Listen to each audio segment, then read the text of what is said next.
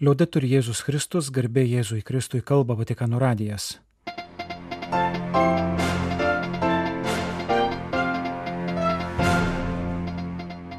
Malonus klausytojai šioje programoje. Popiežiaus audiencijos.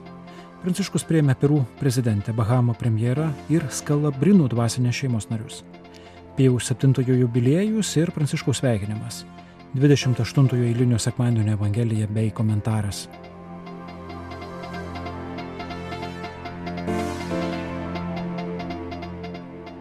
Infatti San Giovanni Battista Scalabrini, Spalio missionari, 14 dieną popiežius Pranciškus prieėmė Skalabrinų šeimos narius, kurie šeštadienį užbaigė kone savaitę trukusi tarptautinį seminarą Romoje apie savo įkvėpėjo vyskupo Jono Krikštitojo Giovanni Battista Skalabrinį, gimusio 1839, mirusio 1905 dvasingumą.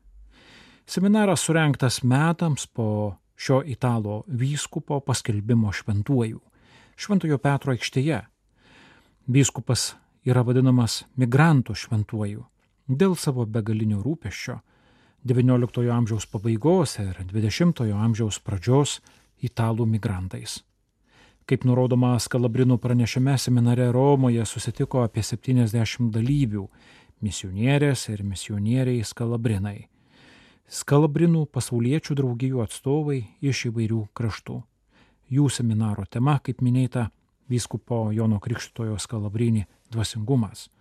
Šventasis ne vien konkrečiai ir materialiai padėjo daugybė migrantų, bet taip pat tikėjimo perspektyvoje mąstė apie migracijos reiškinį, apie migrantus. Tai svarbus autorius mūsų epochoje, pasižyminčioje visų krypčių migraciją. Popiežius Pranciškus, pats migrantų šeimos sunus, audiencijoje skalabrinams visų pirma pažymėjo, jog migracija dažniausiai nėra kokia nors svajonių kelionė, bet drama. Ir jei yra teisė migruoti, turi būti teisė likti savo gimtinėje, bei gyventi taikų ir oro gyvenimą. Visiems matoma, priverstinių, karų, skurdo, gamtinių nelaimių lemta migracijų tragedija. Štai čia ir kyla dvasingumo klausimas, su kokia širdies nuostata žvelgiame į šiuos brolius ir seseris, į kokį dvasinį pagrindą galime atsiremti. Popiežius priminė vieną biografinę vyskupo skalabrinį gyvenimo detalę. Kartą tuo metu dar jaunas kunigas jis atsidūrė Milano traukinių stotyje, greta kelių šimtų italų migrantų išsiruošusių kelioniai į Ameriką, skurdžiai apsirengusių, rūpešių, nerimo ir nežinios išvagotais veidais. Busimam vyskupui tai buvo ženklas, ko Dievas iš jo nori - padėti šiems žmonėms, kad nei vienas nebūtų prarastas, pamestas, padėti pasiekti šventąjį kalną ir simbolinį Jeruzalės taikos miestas, kurie jaustųsi viena bendryje. Vyskupas Kalabrinį troško, kad toks miestas migrantams būtų pati bažnyčia. Tuo pat metu anot popiežiaus pranciškaus tai ir pirmasis vyskupo kvietimas mums, trokštantiems visuotinumo, brolybės, susitikimo. Vyskupas puikiai suprato, kad žmogiškai tai yra utopija. Tik tapus šventosios dvasios bendradarbiu, taip pat tampa įmanoma eiti naujų kelių, priimti svetimšalį bei netlygintinai mylėti. Tai yra antras šventojo migrantų vyskupo kvietimas mums - puoselėti ir rūpintis labai artimų ryšių su įsikūnijusią Dievo meilę Kristumi. Amžininkai liūdėja, kad Jonas Krikštytojas Kalabrinė buvo maldo žmogus, net ir didžiausio nuovargio akimirkomis suklubdavęs prieš Euharistiją. Savo bendradarbius jis perspėjo neapsigauti, be maldos nėra ir misijos. Kyla pagunda atidėti, apleisti maldą, kad daugiau padarytume dėl žmonių. Tačiau viskupo žodžiais, priminus vadinamųjų Jokūbo kopičių biblinę simboliką, kad nusileistume tarp žmonių visų pirma būtina pakilti pas Dievą. Brangus broliai ir seserys, štai jums kvietimas - atnaujinti įsipareigojimą migrantams, vis labiau įsišaknyti intensyviame dvasinėme gyvenime pagal savo steigėjo pavyzdį. Taip pat noriu pasakyti itin didelį ačiū už tiek darbų, kuriuos atliekate visame pasaulyje. Atsisveikino popiežius Pranciškus su Skalabrino bendruomenė. Spalio 14-osios rytą popiežius Pranciškus priėmė Perų prezidentę Dina Ercilija Boluarte Dzagarą. Kaip įprasta, Perų valstybės vadovė vėliau susitiko su popiežiaus valstybės sekretoriumi kardinolu Pietro Parolinu ir santykių su valstybėmis sekretoriumi arkivyskupu Paulo Richardu Galageriu. Anot Šventojo sostų spaudos salės pranešimo pastarajame susitikime pasidžiaugta gerais abipusiais ryšiais, pozityviu valstybės ir bažnyčios bendradarbiavimu dėl moralinių vertybių sklaidos bendrojo gėrio ir socialinio dialogo, apsikeista požiūriais apie viso regiono socialinę bei politinę situaciją, įskaitant migraciją ir klimato kaitos poveikį. Galima pridurti, kad tradiciškai apsikeista dovanomis. Kitoje šeštadienio audiencijoje Pranciškus, o vėliau ir jo bendradarbiai susitiko su Bahamų premjeru Filipu Deivisu. Susitikimuose taip pat pabrėžti geri santykiai ir ryštas juos stiprinti. Ganytojas, kurio gilus tikėjimas, drąsa ir vidinė tvirtybė atsiskleidė sudėtingais laikais, pažymė popiežius Pranciškus sveikindamas vienam iš jo pirmtako Pijui VII, gyvenusiam 1772-1823 metais, skirtų jubilėjinių metų sutampančių su jo mirties 200 metų sukaktimi dalyvius. Sveikinimas paskelbtas vienos iš jubilėjinių iniciatyvų spalio 13-ąją Čezenoje vykusio tarptautinio istorinio simpozijumo proga. Pijus VII Barnabas Keramonti gimė Šiaurės Italijos miesto Čezenos kilmingojo šeimoje. Vos 14 metų amžiaus 1756 pasirinko Benediktino kelią, o po įžadų Grigaliaus vardą. 1782 Pijus VI jį paskiria Tyvolio esančio Romos prieigose vyskupo, o 1785 kardinolu ir Įmalos esančio Šiaurės Italijoje vyskupu. 1799 m. konklaboje įvykusioje Venecijoje buvo išrinktas popiežiumi ir pasirinko Pijaus VII vardą. Galima priminti, kad tuometinė Italija dar nebuvo suvienita, buvo sudaryta iš atskirų valstybių ir kunigaikštyščių, kurias siejo sudėtingi konkurencijos ir bendradarbiavimo ryšiai. Tuo pat metu Prancūzijoje įvyko revoliucija, revoliuciniai judėjimai apėmė daug kitų kraštų, į kovą su jais ir viena su kitomis taip pat stojo ir monarchijos, kariuomenės žygiavo iš vieno krašto į kitą. Pačiam Pijui septintajam teko keliarius metus pabūti įkaitu Prancūzijoje. Popiežiaus Pranciškaus sveikinimo laiške adresuotame gimtosios Pijaus 7 Čezenos viskupijos bendruomeniai, pradėjusiai Pijaus 7-200 metų mirties jubiliejų šių metų rūpjūtį ir užbaigsiančiai jį 2024 rūpjūtį rašo. Skaitant apie šio garbingojo pirmtako, gilių tikėjimo, rumumu, žmogiškumu ir galestingumu pasižymėjusios asmenybės, išskyrusios kompetenciją ir apdairumu, lyginant su tais, kurie siekia paminti bažnyčios laisvę gyvenimą, kyla dėkingumo ir susižavėjimo jausmai dėl jo palikto dvasinio palikimo ir evangelinio atvirumo, su kuriais jis ištvėrė sunkius išmėginimus per 23 pontifikato metus. Ta šimtmetį paženklinusios politinės ir socialinės suritės metu jis pasitikėdamas atsidavė Dievo valiai, su pavyzdingu klusnumu priemė tremties pažeminimą, viską paukodamas viešpačiui dėl bažnyčios gerovės. Pranciškus išskyrė Pijaus septintojo išprusimą ir platų žvilgsnį įgytą benediktiniškosios formacijos metu, nuoširdžias pastangas būti gerų ganytojų visiems tikintiesiems tuo metu, kai vykdė vyskupo pareigas ir tarpininkavimo, taikos bei kompromiso, kuris įmanomas, nuostata sudėtingose ir konfliktiškose tuo metu istorinėse aplinkybėse.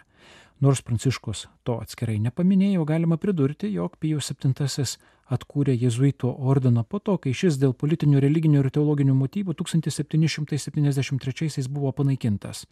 Šis gestas taip pat liudyja didelį atvirumą, nes, kaip yra pripažinęs vienam amžininkui Pijus VII, jis pats jaunystės formacijos metais buvo persėmęs antijėzuitiškais jausmais iš jiems priešiškos aplinkos o vėliau nedvėjojo atkurti jėzuitų ordiną dėl to, kad to reikėjo bažnyčios gėriui.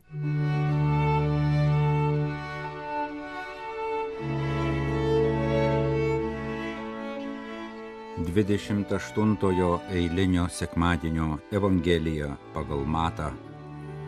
Jėzus vėl ėmė kalbėti palyginimais. Su dangaus karalystė yra panašiai kaip su karaliumi, kuris kėlė savo sūnų į vestuves jis išsiuntė tarnus šaukti pakviestųjų į vestuvių pokylį bet jie nepanorėjo eiti. Tuomet jis vėl siuntė kitus tarnus liepdamas, sakykite pakviestiesiems, štai aš surengiau pokylį, mano jaučiai ir penimi veršiai papjauti ir viskas surenkta, ateikite į vestuves. Tačiau kviečiamieji to nepaisė ir nuėjo kas savo, vienas lauko arti, kitas prekiauti, o kiti tarnus nutvėrė išniekino ir užmušė. Tuomet karalius užsirūstino ir nusiuntęs kariuomenę, sunaikino anuos žmogžudžius ir padegė jų miestą.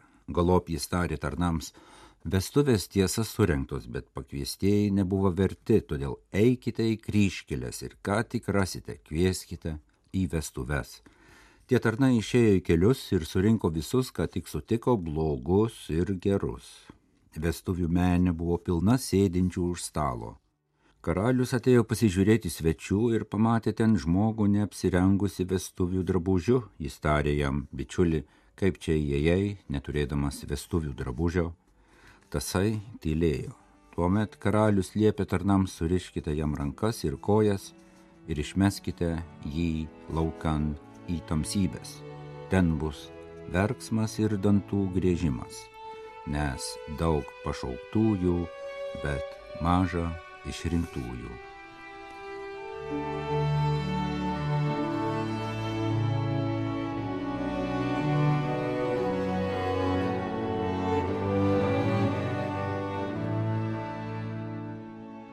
Karaliaus kvietimas monsinjoro Adolfo Grušo homilija.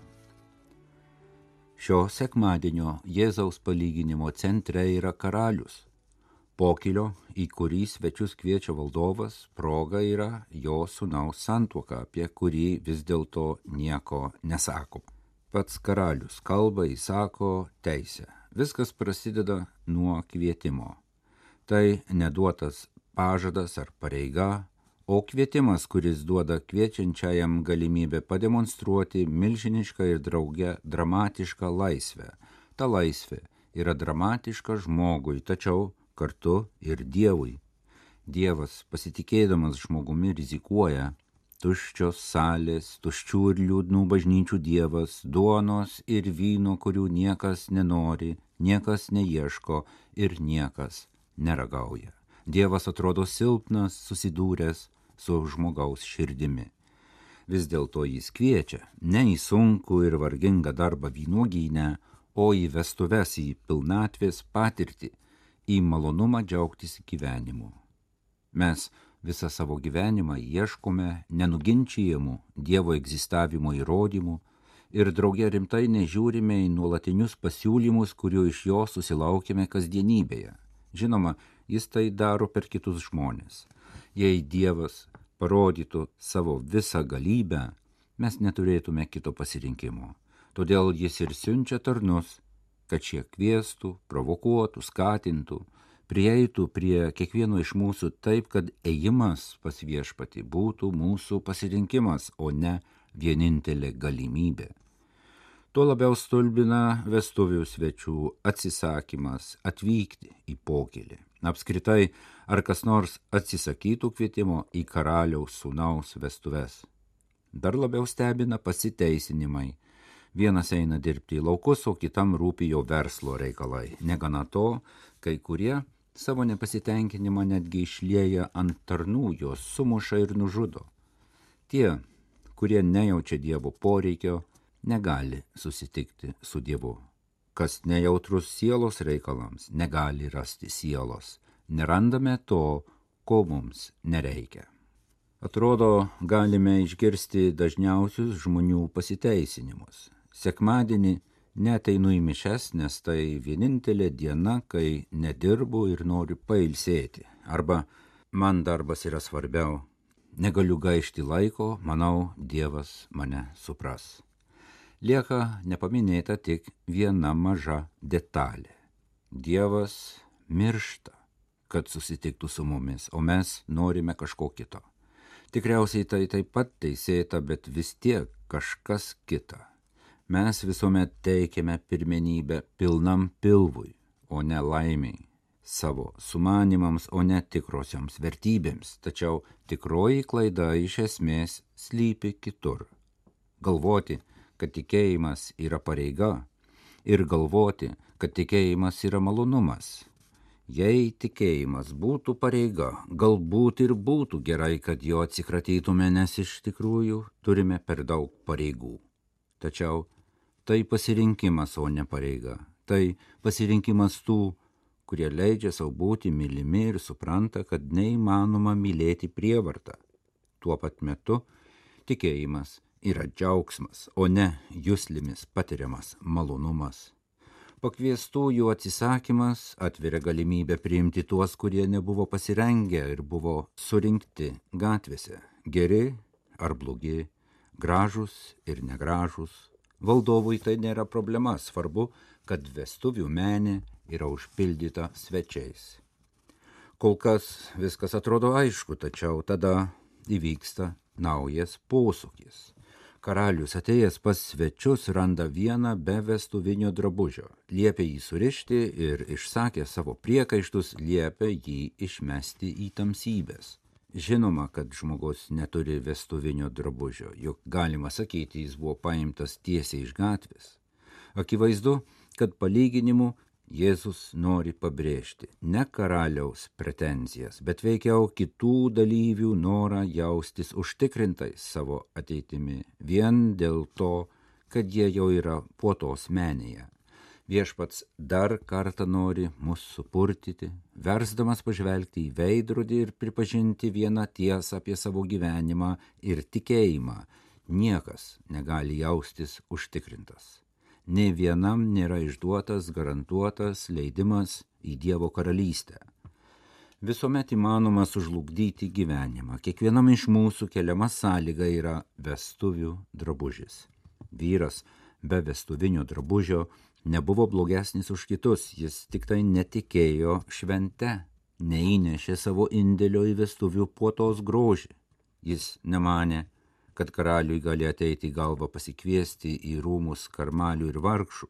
Ko gero, jis netgi netikėjo, kad tai tikrai karaliaus sunaus vestuvių pokylis, nes valdovas tokiu būdu nesirenka savo svečių.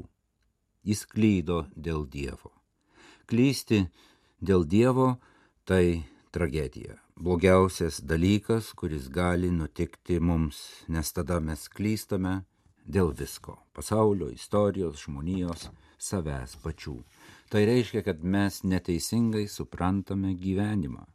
Drabužis, kurį reikia dėvėti, kad gyvenimas nenuviltų, yra Jėzus Kristus. Krikšto metu draugė su baltų drabužiu gavome užduoti praleisti savo gyvenimą apsivilkę Kristumi, o tai reiškia turėti savo jausmus, tačiau būti viešpaties žodžių aidu teikti pirmenybę tam, kam jis teikė pirmenybę. Šiuo sielvartingu ir draugė nuostabiu laiku Dievas ir vėl kviečia mus, kad pasakytų, jog amžinybė nėra kažkur kitur, bet kad jau dabar su Dievu gyvenimas švenčia savo šventę. Reikia tik atvira širdimi atsiliepti į Dievo balsą.